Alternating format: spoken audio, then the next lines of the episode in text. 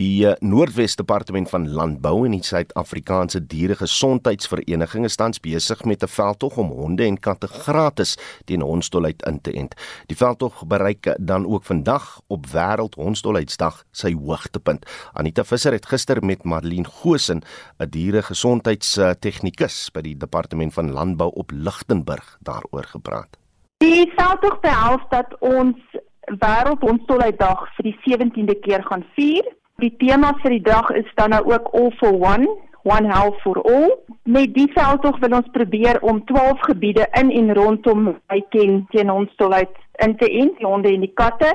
Gebiede soos Lotlakane Village, Bitakong, dit is maar 'n paar van die gebiede wat ons wil ent. Daar gaan 68 punte wees en 140 van ons dieregesondheidstegnisie en staatsveeartse van reg oor Noordwes gaan deelneem daaraan. Marlene sê vir my is 'n eenmalige enstof genoeg vir hoe lank sou so enstof duur? Dit Anita wat ons gewoonlik doen is honde en katte word op 12 weke ingeënt, dit wil sê 3 maande en dan gee jy nog 'n inenting 'n maand later wat ons 'n booster noem en daarna jaarliks. En hoe presies werk die inenting? Wat doen die inenting? Gaan dit in die brein en hoe werk dit in die liggaam? Wanneer 'n hond byvoorbeeld deur 'n meerkat gebyt word, dan beweeg hy met die senuweestelsel saam na die brein toe. Dan sal hy dan af jou die simptome gee wat jy tipies sien by hondstolheid, waar jou hond dan nou of 'n dos, ons noem dit die dom vorm kan aanneem of dan nou 'n aggressiewe vorm. Daarna gaan sit hy dan nou ook in jou spoegkliere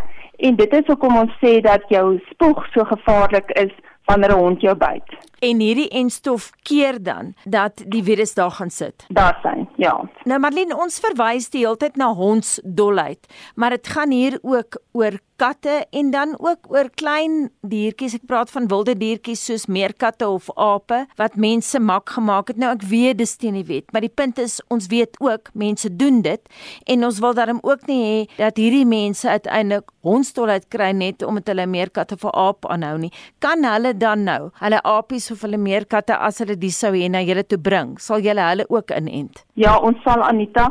Onthou dit is 'n siekte wat alle warmbloedige diere aantas. So as jy wat wel sien die wet is 'n meerkat het of 'n blou aap, is dit verkieslik dat hulle ook ingeënt word want niks verhoed hulle om ook die siekte te kry. Hulle is by jou in die huis, so as hulle die siekte moet ontwikkel, dan is dit 'n risiko vir die eienaar. Gaan julle baie in die townships in om ook daar honde in te ent? Ons het nou vandag ons groot wêreld hondstolheid dag wat ons vier, maar hierdie hele maand het ons in townships gespuit, ons het in klein gemeenskappies gespuit, ons het op plase gegaan, ons het die skole besoek en kinders meer attent gemaak op hondstolheid, maar ons doen dit dwars deur die jaar. Nou ek weet in die Oos-Kaap was daar probleme met sekere beamptes wat nie toegang tot townships kan kry nie. Ervaar julle dieselfde? Gelukkig, um, en ons is baie dankbaar daarvoor dat ons dit nie in Noordwes ervaar nie. Kom ons kom net terug na die simptome toe Marlene gee vir ons 'n blitsopsomming. Jy gaan twee vorms kry, gaan of 'n dom vorm kry of dan 'n aggressiewe vorm. Ons sê altyd 'n wilde dier word mak en 'n makdier word wild, menende jou hond wat altyd mak was, gaan aggressief word. 'n uh, Meerkat wat gewoonlik 'n wilde ding is, gaan huis toe kom, dieselfde met jakkalse. So enige gedragsverandering moet jy op patent wees. Jy gaan nie noodwendig die spoeg sien wat uitloop nie. Dit is eers jou latere tekens, maar dit is een van dit.